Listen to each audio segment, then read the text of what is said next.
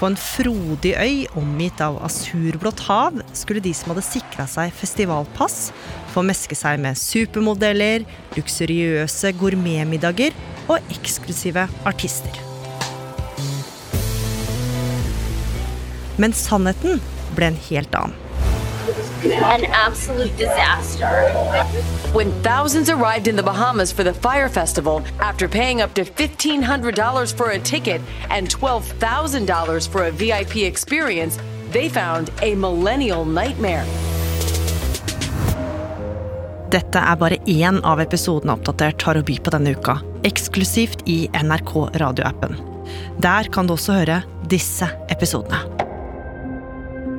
Og forrige uke kaller Støre inn til pressekonferanse nok en gang, for etter den ene habilitetssaken etter den andre har han bestemt seg for å rydde litt i sysakene. Ja, og det er med en alvorlig rynke i panna Støre informerer om at han nå oppdaterer denne håndboka for politisk ledelse, som alle statsrådene får. Han skjerper retningslinjene for kjøp og salg av aksjer for politikere, og fra nå av så gjelder følgende regler. Hvis man har aksjer, så skal de selges, fryses, eller så må man få noen andre på avstand til å forvalte dem.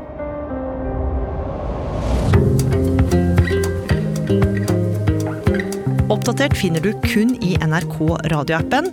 Der finner du både nye og gamle episoder fra hele arkivet vårt.